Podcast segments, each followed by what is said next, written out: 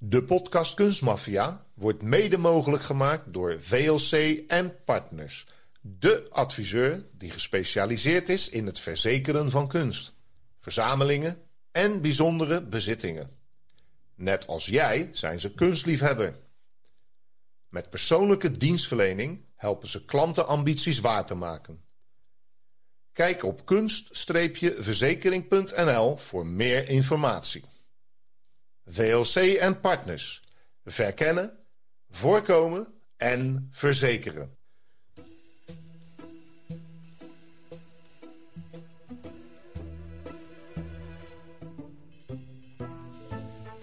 In 2010 houdt de douane een bejaarde man aan in de trein tussen Zurich en München.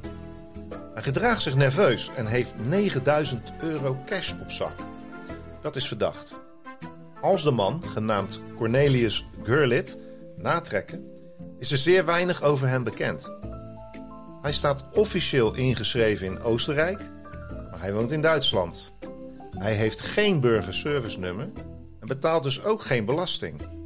hij heeft ook geen officiële bron van inkomsten. Hoe komt hij dan aan zoveel geld? En waarom leeft hij zo onder de radar van de autoriteiten? De Duitse politie besluit tot een onderzoek en doet een huisdoorzoeking. Daar treffen ze een kunstschat aan die elke verbeelding te boven gaat. Is dit nazi-roofkunst? De overheid besluit het onderzoek in het diepste geheim uit te voeren, want de zaak ligt gevoelig. Maar na twee jaar krijgt de Duitse media lucht van deze geheime zaak en haalt het nieuws internationaal de voorpagina's. Dit is Kunstmafia, een podcast over roof, vervalsing en diefstal in de internationale kunst- en antiekwereld met Rick Bouwman en Robert Tettero. Deze keer zaak 16, Cornelius Gurlit en de verborgen nazischat van 1 miljard euro. Wauw, dat klinkt al zeer uh, mysterieus, uh, Robert. Mysterieus en spectaculair. Ja, en Keurlid, die naam die komt mij heel bekend voor. Ja, dat heb jij goed gehoord. Zijn vader was Hildebrand Keurlid. En in zaak 13, de eerste Tweede Wereldoorlogszaak van deze nou, serie kun je bijna wel noemen, was Hildebrand uh, Gurlit een heel belangrijke kunsthandelaar. Misschien kun je er iets van laten horen, Rick. We gaan even een stukje terug naar zaak 13. En dan werden er uh, drie officiële kunsthandelaars aangesteld die de taak kregen om die kunst die zij niet meer hoefden, om daar toch nog wat nuttigs mee te doen, namelijk ze ten gelde maken. En dan een van die drie figuren uh, is uh, Hildebrand Gurlit. En Hildebrand Gurlit, uh, dat is de man die dan instond voor vooral de kunstwerken op papier. Uh, en van hem wordt er dan gezegd van dat hij uh, 3700 uh, kunstwerken uit die entartete kunstdepots heeft ja, verkocht. Hildebrand Keurlid was een bekende kunsthandelaar en kunstverzamelaar in dat Derde Rijk.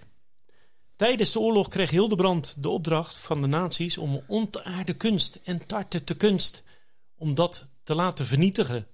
Maar hij moest het ook verkopen, want er moest geld binnengehaald worden. Buitenlandse deviezen voor de oorlogsbuit die de Duitsers nodig hadden om oorlogsmateriaal te kunnen kopen. En Hildebrand gebruikte deze gelegenheid ook voor zichzelf. Want hij wist ook kunstwerken te kopen voor zichzelf. En dat was natuurlijk Joodse kunstverzamelingen die ze weggehaald hadden. Ja, onrechtmatig hè? Gestolen of dan wel afgeperst. Of, nou ja, we hebben het al een aantal voorbeelden gegeven, ook met uh, vorige zaak Hartenveld. In 1923 trouwde Hildebrand met een balletdanseres. En ze kregen twee kinderen. Cornelius, die we net genoemd hebben, en Benita, een dochter. Hildebrands grootmoeder was Joods. En dat was wel even een probleem natuurlijk onder het bewind van de nazi's. Hildebrand werd dus beschouwd, volgens de Nuremberger wetten, als kwartjood. En dat houdt hij zorgvuldig geheim. Ja, en dan is het ook nog eens zo dat die Hildebrand die hield dus van moderne kunst. Maar dat is natuurlijk wel die entartete kunst, de ontaarde kunst waar Hitler het altijd over heeft gehad. En hij organiseerde ook tentoonstellingen van veel bekende kunstenaars. En bovendien, hij, kende ook heel veel van die kunstenaars zelf. Denk aan een Barlach, aan een Hofer, Kandinsky, een Kirchner, een Klee, een Kokoschka. Dat is eigenlijk een soort agent voor deze Precies. kunstenaars ook. en zelfs Moeg. En in zijn laatste baan als directeur van het Kunstverein Hamburg werd hij op een gegeven moment in 1933 door de nazi's ontslagen. Omdat hij zich natuurlijk veel te druk maakte over die moderne kunst. En dat wilde men niet, dus hij moest aftreden. Omdat hij dus handelde in wat inmiddels bekend stond dus als ontaarde kunst en tartete kunst. Ja, hij zat eigenlijk een beetje in het verkeerde vak op dat moment als eh, kunstkenner. En vanaf het midden van de jaren 30, hè, zoals de nazi's al aan, het, eh, aan de macht zijn, koopte hij kunstwerken voor lage prijzen van particulieren. Vaak Joodse eigenaren die onder dwang stonden om buitensporige belastingen te betalen om het land te kunnen ontvluchten. Nou, soms wel tot 95% Dat was eigenlijk gewoon lever alles in wat je hebt en je krijgt een vrijgeleide. Dat was het principe. Maar ja, op papier vaak werd er dan wel een overdracht gedaan. Ja, dat maakt het dan weer legaal. Mm. Moi. Hij beweerde dat de eigenaren eigenlijk geholpen werden door hem eh, in hun hachelijke situatie. Maar ja, hij was er zelf eh, niet echt vies van om eh, wat aan de strijkstok te laten hangen ook. Tijdens de nazi-bezetting van Frankrijk stelde Herman Keuring vier door de Rijksleider Rosenberg goedgekeurde dealers aan. En een van deze dealers was dus deze keurlid. Zo'n 16.000 ontaarde kunstwerken en tartete kunst waren uit Duitse musea gehaald en in beslag genomen. Keurlid moest deze in beslag genomen kunstwerken op de internationale markt verkopen. Dus eigenlijk kun je zeggen dat hij teruggehaald werd omdat hij een kenner was. Ja, hij was de kenner van die entartete kunst. En ja, daar gebruikten ze hem natuurlijk wel voor om eh, die spullen op een goede manier te kunnen verkopen. De buitenlandse deviezen spekten dus de nazi-oorlogskars, maar de vier handelaren rapporteerden niet alles aan de commissie. Nee, dus eh, nou goed. Eh, gaat niet helemaal zoals het hoort, zelfs niet in de nazi-tijd.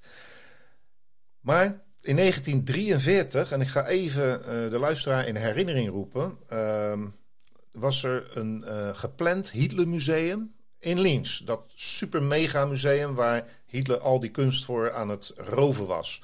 En daar werd door hem, door Hitler, Herman Vos aangesteld. En die werd de directeur, algemeen directeur van deze, eh, nou ja, megalomane museum. En die zocht een officiële inkoopagent. En die dacht, nou, die Gurlit die is lekker bezig in Frankrijk. is een kenner van de ontaarde kunst. Die kan eh, veel connecties overal. Die kan ook wel gewoon een klassieke, traditionele kunst voor ons gaan inkopen. En dat doet hij dan ook. Tussen 43 en 44 koopt hij alleen al in Parijs zo'n 200 werken. Uh, hij koopt ook werken in Nederland.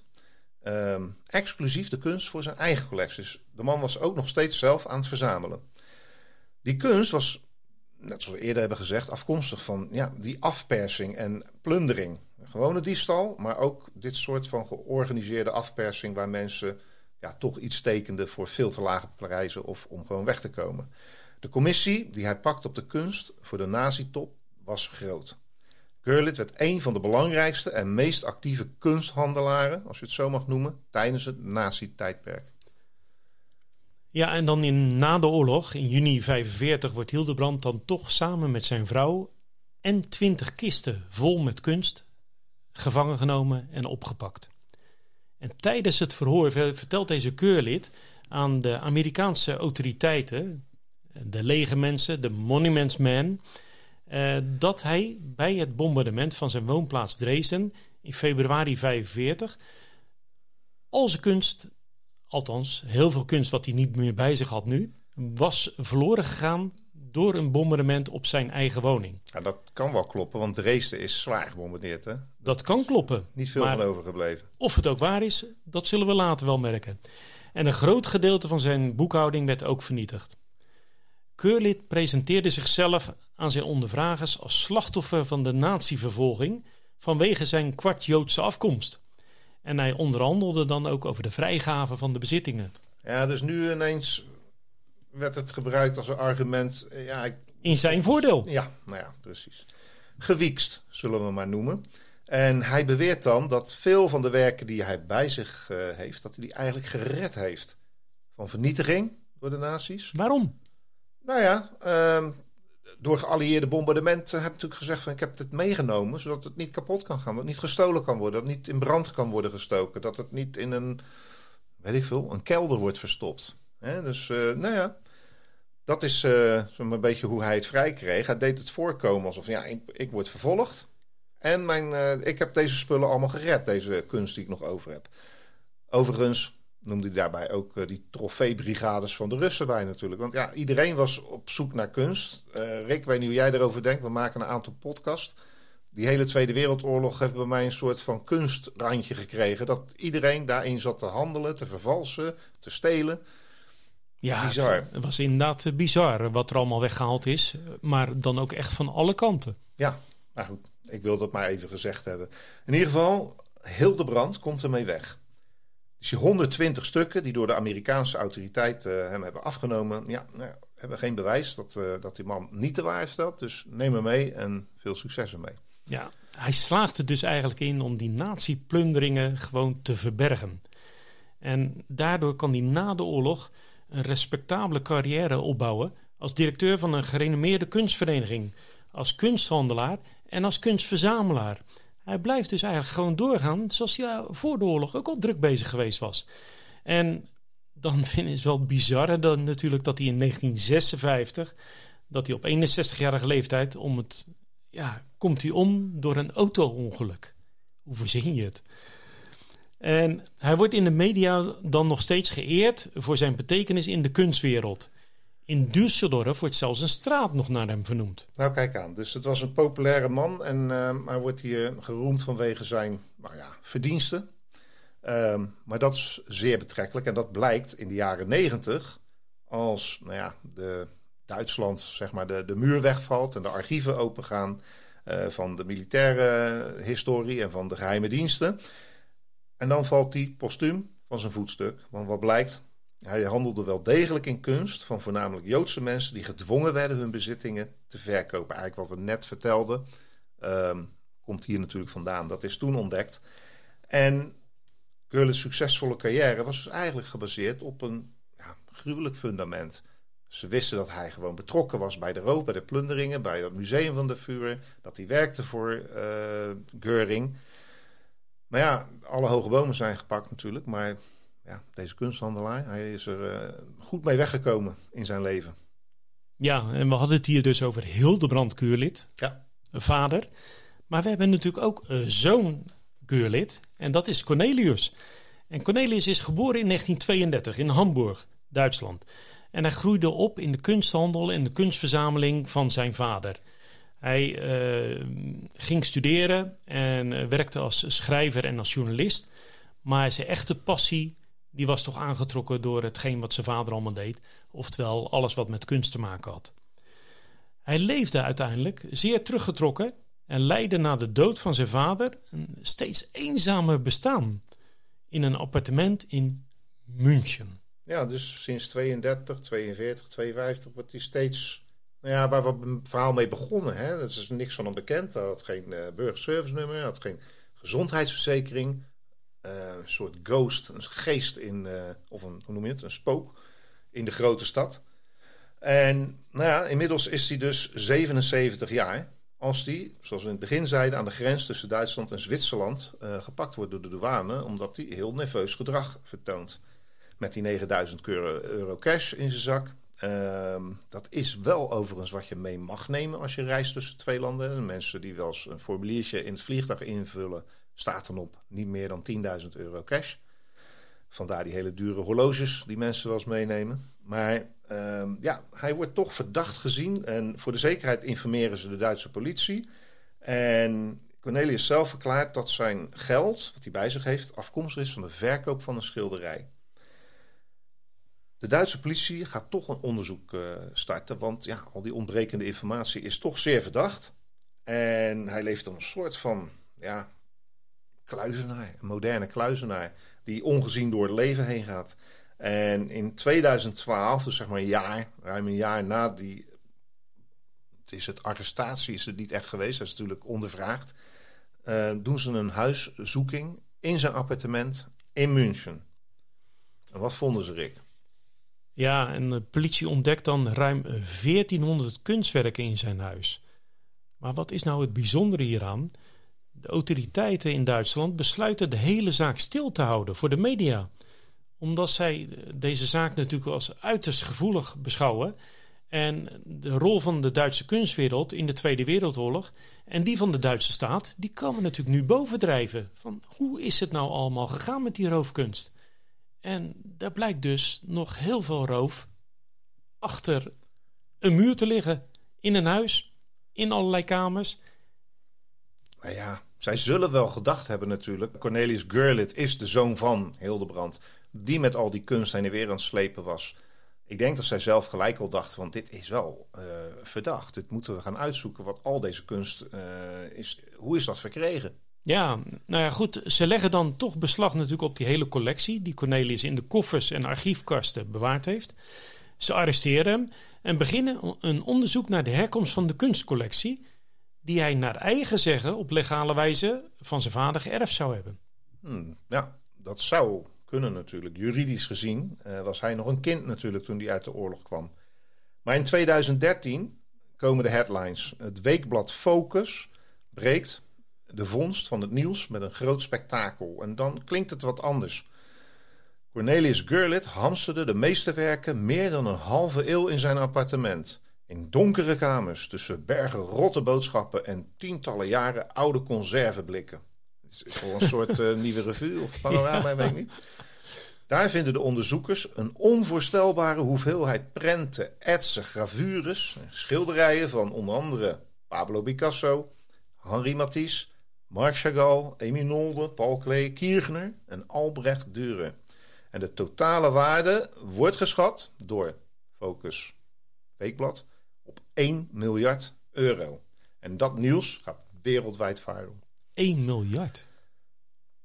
Dat is een uh, gigantisch bedrag. Ja, en ik ben ook wel nieuwsgierig of dat echt wel de waarde is natuurlijk. Dat zou zomaar kunnen. Hè? 1400 uh, stukken van deze kunstenaars, maar het waren niet allemaal ingelijste schilderijen. Hè? Dat waren ook etsen, gravures en, en dat soort kunststukken. Maar goed, dat het heel veel waard was uh, en is, daar zijn we wel van overtuigd. En uh, of het dan 1 miljard is, dat gaan we denk ik de komende jaren tientallen jaren nog wel ontdekken. Ja, Rick, wij blijven met hele grote bedragen komen. Maar ja, ja. wij lezen ze ook maar, hè? Dat ja. zijn de feiten, toch? Ja. Cornelius Geurlid, die gaat het zelf overigens niet meer horen. Want hij overleed nog niet een jaar later, in mei 2014, op 81-jarige leeftijd. Terwijl op dat moment natuurlijk de juridische strijd nog gaande was over het eigendom van die kunstcollectie. En dat is natuurlijk wel heel lastig. Van ja, zijn die kunstwerken nou rechtmatig verkregen of is hier sprake nog steeds van roofkunst? En zo ja, ja, zijn de oorspronkelijke eigenaren dan nog wel terug te vinden? Ja, en het was lastig om dat allemaal nog terug te vinden uh, en, en, te zien wat waar was en niet waar was. Uh, dus ik denk dat het beste is uh, dat we het gewoon gaan vragen aan Arthur Brandt, de kunstdetective, om te zien wat hij ons nog kan vertellen over wat er allemaal na deze ontdekking precies gebeurd is. En inderdaad, zat er roofkunst tussen? Of was het inderdaad rechtmatig verkregen? Ja, en ik wil het graag weten, Robert. Uh, zullen we nu al proberen om hem even te bellen? Nou ja, ik denk dat dat uh, wel lukt. Het is nog niet zo heel erg laat. We gaan hem uh, bellen.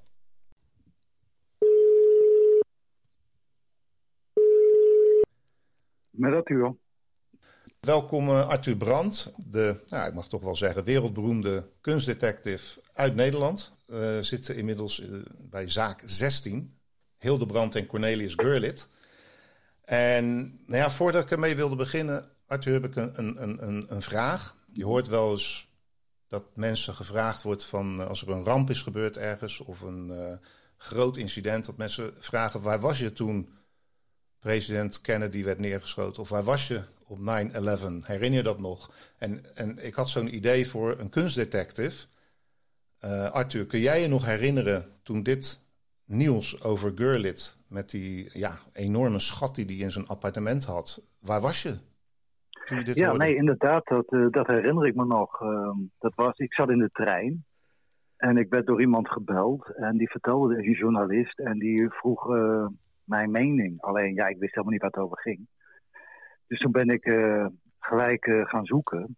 En ja, toen las ik eh, de, eerste, de eerste nieuwsartikelen. Ja, en het was natuurlijk gelijk wereldnieuws, want Schat-eiland, iedereen kent het boek wel. Je bent toch altijd op zoek, of tenminste altijd, maar de, de zoektocht naar verloren schatten is toch wel een soort jongens en misschien ook wel een meisjesdroom. Um, Zo'n zo'n schat vinden die, ja, die wereldnieuws wordt, dat is natuurlijk uh, ja, een droom van velen. En in dit geval is het dus ook gebeurd. Want je moet je voorstellen, het ging ongeveer om alles bij elkaar, uh, om zo'n 1500 schilderijen en tekeningen van beroemde uh, moderne kunstenaars waarvan werd aangenomen dat ze de, tijdens de Tweede Wereldoorlog oorlog, verloren waren gegaan. En een deel was zelfs compleet onbekend. Dus ja, dan duiken er in één keer uh, zoveel werken op. Met natuurlijk een enorme waarde. Niet alleen financieel, maar ook een kunsthistorische waarde. Dus ja, van mensen in, uh, in musea of, of anderen die van kunst houden. En, en voor andere geïnteresseerden ja, was dit natuurlijk wel uh, het nieuws van, van de maand, zeg maar. Dit, was wel een, uh, dit sloeg wel in als een bom. Nee, dat kan ik me voorstellen. En ik denk, ja, toen ik het hoorde, jaren later overigens, en me bewust werd van hoe groot die schat eigenlijk was, dan denk je, oh ja, heel interessant. Maar jij bent natuurlijk kunstdetective. Ik neem aan dat jij ook gelijk dacht van, hmm, ik weet wel van een aantal stukken die misschien daar wel tussen liggen. Of ik wil weten wat daar ligt, om, omdat ik in mijn eigen archief of in mijn eigen onderzoeken dit soort stukken misschien wel als vermiste boek heb staan. Uh, was dat een gedachte die door je heen ging op, op dat moment? Ja, ja, want ik werk veel voor uh, Joodse families, nazaten van, van Joden die in de Tweede Wereldoorlog alles zijn kwijtgeraakt. Uh, in het beste geval een kunstverzameling, in het slechtste geval een leven. Um, en je bent altijd op zoek naar die werken. Van waar zijn ze? Een deel is natuurlijk uh, vernietigd tijdens de Tweede Wereldoorlog. Een deel is ja, door soldaten of nazaten ervan uh, bewaard en, en nooit meer verkocht. Dus die zijn ook altijd onder de radar gebleven. Dus ja, je gaat dan wel gelijk denken van, goh, wat zal er allemaal tussen zitten? En de eerste schattingen van de waarde van die werken, de journalisten, die, die drijven natuurlijk altijd alles een beetje op die verhalen. Ging al naar een miljard toe. Uh, later bleek het wat mee te vallen, zo tussen de 50 en 100 miljoen. Maar ja, dan nog.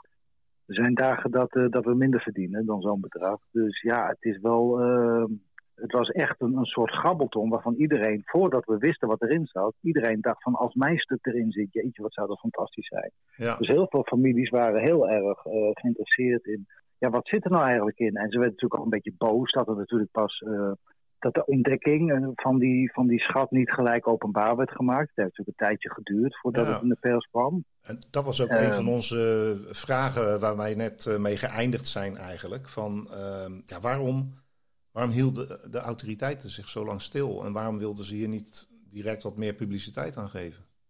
Ja, ik denk dat ze voorzichtig waren. Um, de huiszoeking die ze gedaan hebben destijds. Gullit die werd in de trein aangehouden toen hij de grens overstak met 9000 euro op zak. Dat is een bedrag wat je op zak mag hebben. Alleen toen zei hij dat hij daar uh, een kunstwerk had verkocht en daar dat geld van was. En toen dachten ze van, nou, misschien is die man wel bezig met smokkel. Dat was, meen ik al, in 2010. Toen is men in 2012 heeft men uiteindelijk een huiszoekingsbevel gekregen. Toen is men naar binnen gevallen. Nou, je kunt je de gezichten voorstellen van die, van die agenten die daar binnen vielen. Er stond rijen dik tegen de muur aan. Alleen, uh, toen is alles geconfiskeerd, maar Gullit en zijn advocaat hebben toen al vrij snel klachten ingediend van jongens, dit kan helemaal niet. Er is namelijk zoiets als een verjaringsprincipe. Al zouden die werken allemaal gestolen zijn in de Tweede Wereldoorlog, naar Duitsland ben je na 30 jaar gewoon eigenaar. Okay. Je kunt er niet veel mee natuurlijk met die werken, want niemand wil ze kopen. Uh, sommige van die werken zit bij wijze van spreken het bloed nog aan. Maar in wezen uh, was er vrij weinig uh, mis op het eerste gezicht. En de Duitsers hebben natuurlijk een beetje op belastingontduiking geschoven.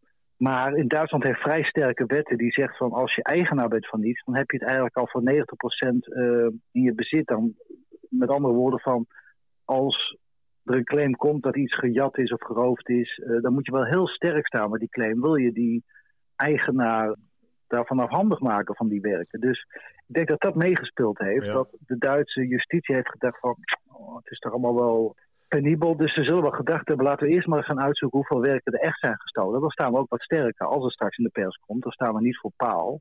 Het is toen of uh, gelekt, ik dacht de Stern was de eerste, of de Spiegel die het brachten.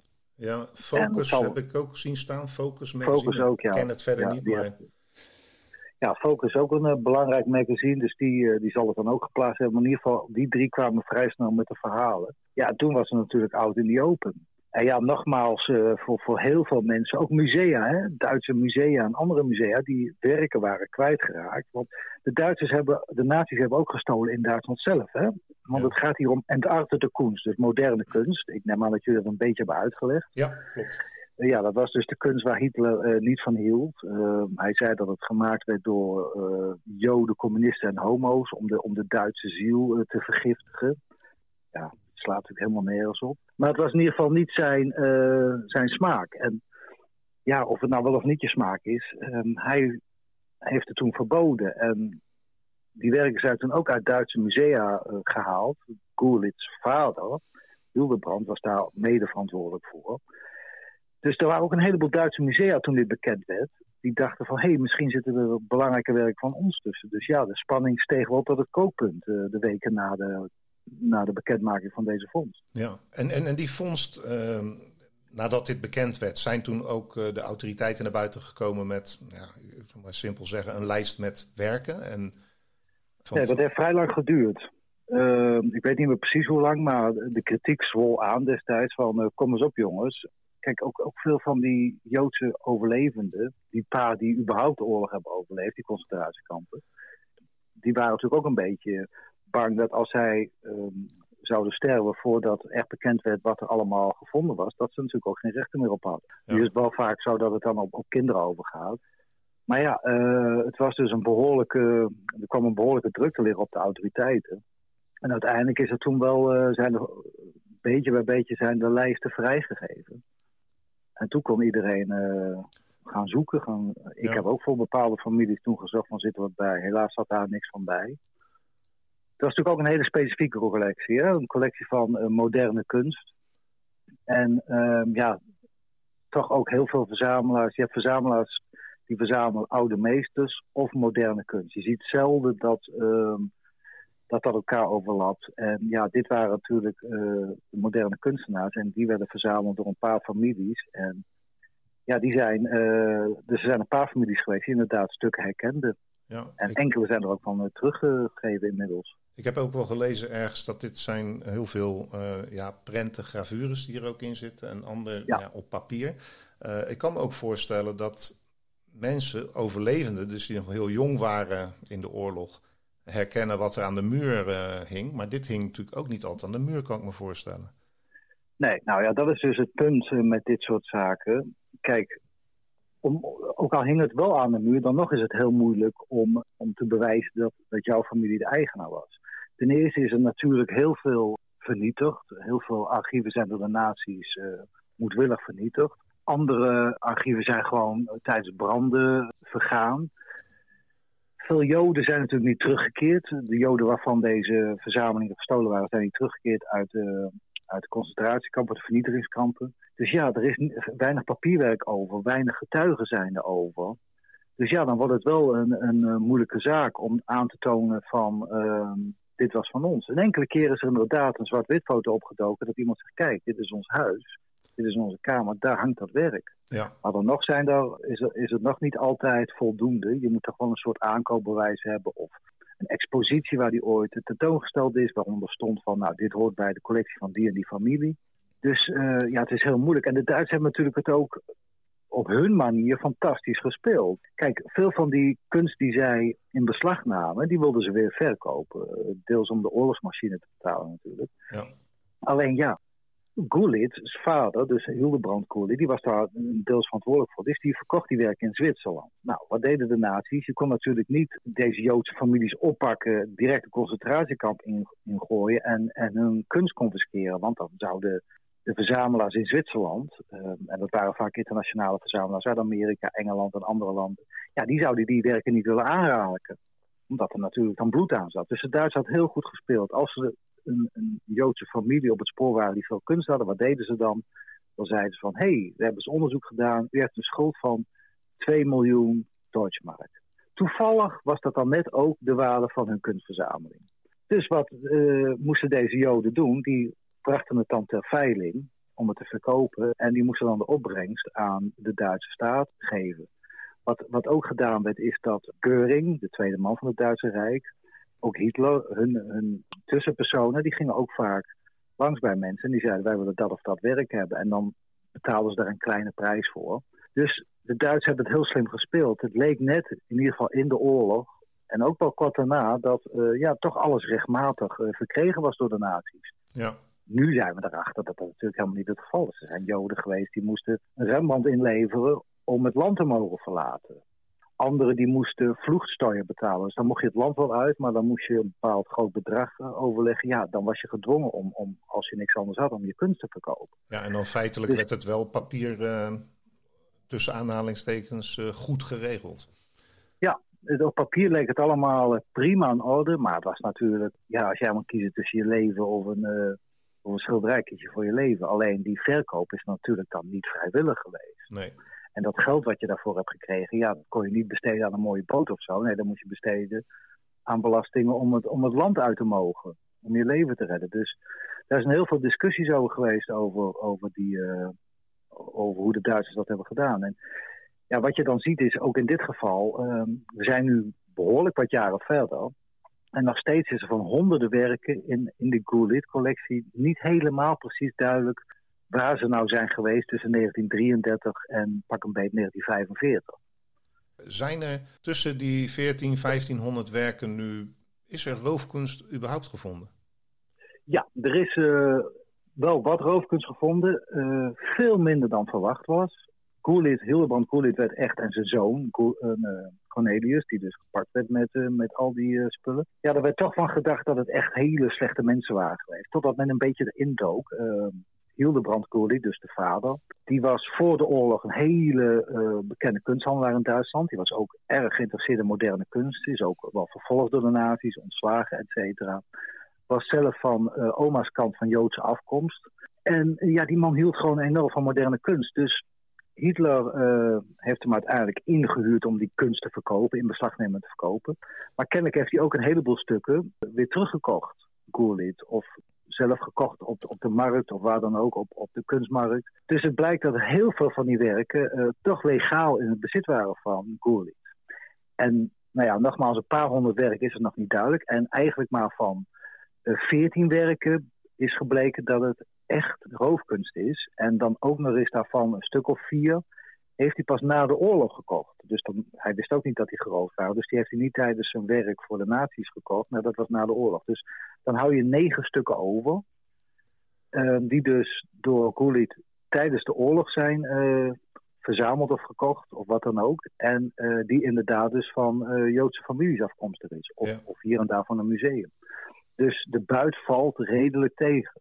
Dus wat dat betreft. Het nieuws was heel groot. de vrees dat het ja, roofkunst was, was groot. Uiteindelijk is dat minder gebleken. Zijn deze stukken, voor zover je weet, ook teruggekeerd naar de rechtmatige eigenaars of hun erfgenamen? Ja, er zijn, uh, de meeste van die werken zijn inmiddels teruggekeerd. De beroemdste is een, is een, was een zittende vrouw van Matisse. Die is teruggegeven aan Paul Rosenberg. Dat was een beroemde kunsthandelaar. Een andere uh, twee uh, mensen op paard, twee rijders op het strand van uh, Lieberman. Die is uh, teruggegeven aan de nazaten van een uh, Friedman, als ik het me goed herinner, ook een kunsthandelaar. Dus die zijn inmiddels teruggegeven. En ja, de rest is dus door Goulet geschonken na zijn dood. Ja, daar, heb ik iets, daar hebben wij iets over gelezen, maar dat, dat vonden we een vreemd verhaal eigenlijk. Want ging naar een museum toe. En dat was ook het laatste wat we erover uh, gelezen hebben. Want de rechtszaak verder enzovoort en de juridische strijd, daar heb ik niks uh, van gevonden. Maar hoe, hoe zit dat precies? Hij heeft het nagelaten, dat hij dat op voorhand gedaan? Of heeft hij dat ja. gedaan nadat hij gepakt was? Nou, ik denk nadat hij gepakt was. Hij heeft het nagelaten aan het Kunstmuseum in Bern in Zwitserland. Hij heeft gezegd van, ik laat jullie alles na, maar dan moeten jullie wel alle werken onderzoeken en mochten er alsnog geroofde werken tussen zitten, dan moeten die worden uh, geretourneerd aan de, ja, de juridische eigenaren. En ja, inmiddels worden die werken ook tentoongesteld. En de vraag is natuurlijk, waarom heeft hij dit gedaan? Nou ja, hij had Ja. zelf geen kinderen. Hij had een zus, maar ik weet niet of hij ook kinderen had. Ik denk, als er geen kinderen zijn geweest, ja, dan is het duidelijk dat je, ja, waar moet je het anders aan, aan geven? Dus ik denk dat dat de reden is geweest, maar ook omdat eh, hij zijn zus ook hier niet mee wilde opzadelen. Het was natuurlijk wereldnieuws. Het was continu gedoe over, ja, maar u heeft al die belastingen niet betaald.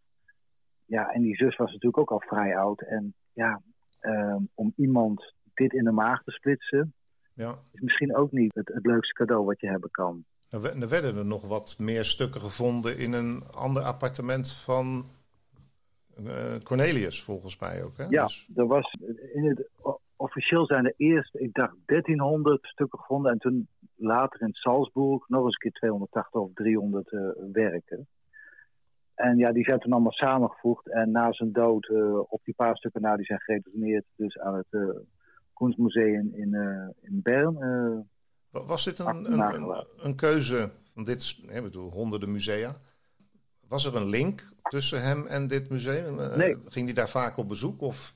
Nee, ze, nou ja, misschien wel, maar ze kenden hem niet. En eerlijk gezegd was het Kunstmuseum in Bern ook niet gelijk heel erg grappig. Want de hele wereld bemoeide zich ermee. Die zei, als jullie dit accepteren, zijn jullie eigenlijk ook een stel nazi's. En afijn, ze kregen alles over zich heen. Ehm, uiteindelijk hebben ze het wel geaccepteerd. Eh, op zich ook op goede redenen, want ja, het, merendeel was helemaal niet geroofd. En ze hebben beloofd van de stukken die dus, eh, waarvan we later gaan aantonen dat die toch nog geroofd blijken te zijn, die gaan we dan teruggeven. Dus ja, het, is, het is juist mooi dat het in een museum nu te zien is en dat iedereen het kan bekijken. Want wat je net zei, hè, kijk, het, het ging een beetje als een nachtkaars uit. Een groot gedeelte was niet, eh, bleek niet geroofd te zijn. Ja, ik draai het om. Hoe, hoe- gelukkig was een groot gedeelte niet geroofd, maar de, de, de, de kracht van dit verhaal zit er natuurlijk in dat er ja, 1500 werken waarvan iedereen dacht dat ze verdwenen waren. Die waren al sinds de Tweede Wereldoorlog niet meer opgedoken. Dus mensen dachten die zijn vernietigd, eh, wat dan ook.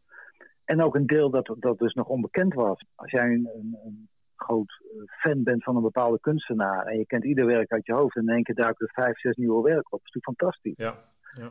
En daar, heeft, daar zit de kracht ook in dat er eh, ja, toch 1500 werken die verloren geacht waren, eh, ja, dat die toch in één keer weer opduiken.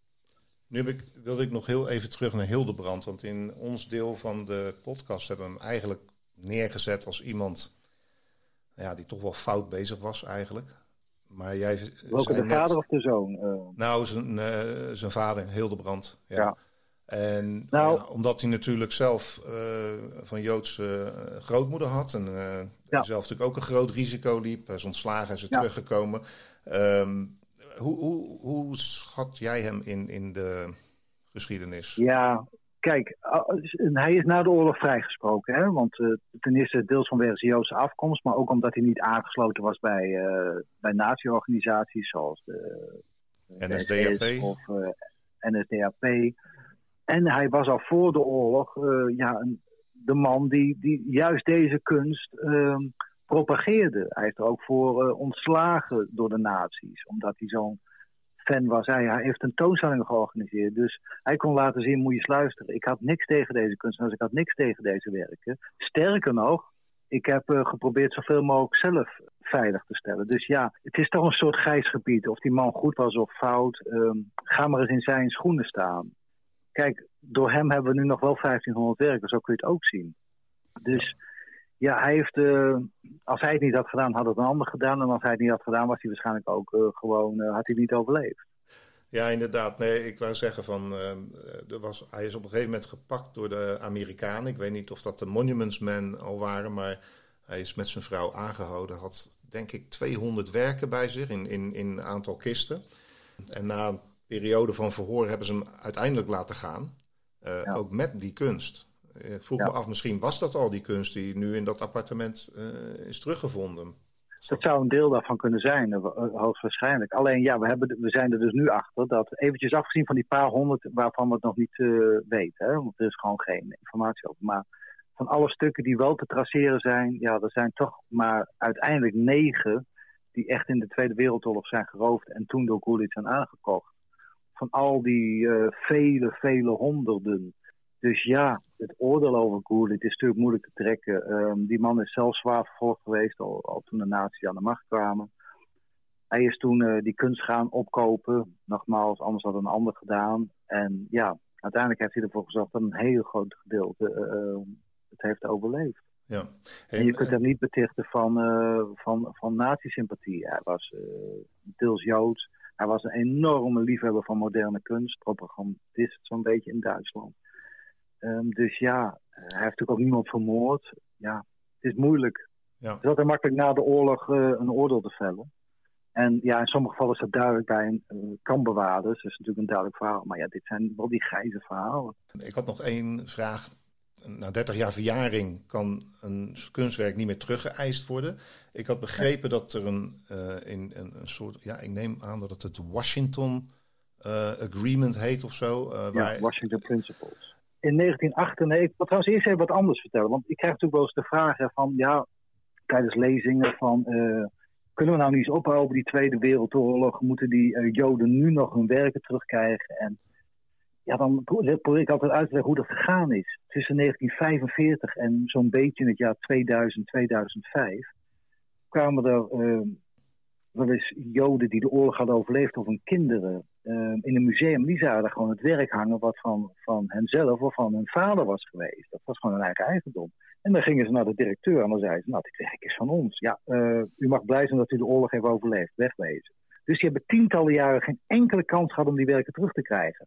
Pas in 1998, toen zijn dus die Washington Principles in het leven geroepen. Dat is een overeenkomst tussen een tientallen landen. Waarin staat van, nou ja, volgens onze wetgeving zijn deze zaken verjaard. Maar laten we coulant zijn. We hebben die mensen nooit geholpen. Laten we gaan kijken bij werken die daadwerkelijk groot zijn en dat kan aangetoond worden, dan moeten we dat wet maar even opzij schuiven en die werken moeten gewoon terug. Alleen dat geldt voor staatsmusea. Dat geldt niet voor particulieren. Dus als jij een schilderij in je bezit hebt dat in de Tweede Wereldoorlog is gestolen, en je hebt dat gekocht, ik noem maar wat, bij een veiling Sotheby's in 1990, en, en je wilt het nu verkopen en het blijkt geroofd te zijn, kunnen ze dat niet zomaar in beslag nemen. Het gebeurt een enkele keer wel, maar in principe kan het niet. Alleen ja, dan zit je zelf met zo'n schilderij in de maag, wat je ook niet kan verkopen, want niemand wil het natuurlijk aanraken. Niemand wil een schilderij, geld investeren in een schilderij, waar, nou ja, grof gezegd, bloed aan kleeft. Nee, inderdaad. Dus dat is een beetje het probleem. En wat je dan vaak ziet is dat, dat als een Joodse familie een schilderij op het spoor komt en het blijkt in bezit te zijn van een andere familie, dat kan zelfs ook een Joodse familie zijn, die bij Sotheby's heeft gekocht in 1990, dus ook te goede trouw zijn dan zie je dat er vaak een, een soort uh, deal wordt gesloten. Van nou, we verkopen het werk bij een veilinghuis en dan delen we het door, uh, door tweeën. Dus dat is vaak de oplossing. En wat je ook wel uh, soms ziet is dat families zeggen van nou ja, wij zijn de eigenaar, we geven terug in bruikleen van het museum waar het nu hangt. Om... Ja, dat gebeurt ook heel vaak. En het, het meest trieste is wel dat er in een enkel geval, dat is bijvoorbeeld met Klimt, dat is een hele beroemde zaak geweest, dat de families, zodra ze hun werk terugkrijgen, het eigenlijk gelijk moeten veilen. Omdat ja, de advocaten die dat allemaal geregeld hebben, soms uh, in een enkel geval zelfs 50% eisen. Dan komen de belastingen er nog op, dus dan zijn ze eigenlijk verplicht om die werken ook gelijk weer te verkopen. Dus dat is natuurlijk wel uh, vrij treurig. Arthur, heel erg bedankt voor uh, jouw visie en, en uh, verdere verloop van de Gurlit-zaak. Ik hoop dat we je gauw weer een keer uh, kunnen ontmoeten. Vast en zeker. Dankjewel. Luister jij graag naar Kunstmafia en wil je Rick en Robert ondersteunen? Ga dan, als je wat kan missen, naar fooiepot met een d.com slash kunstmafia. En geef daar een digitale fooi. Dus fooiepot.com slash kunstmafia.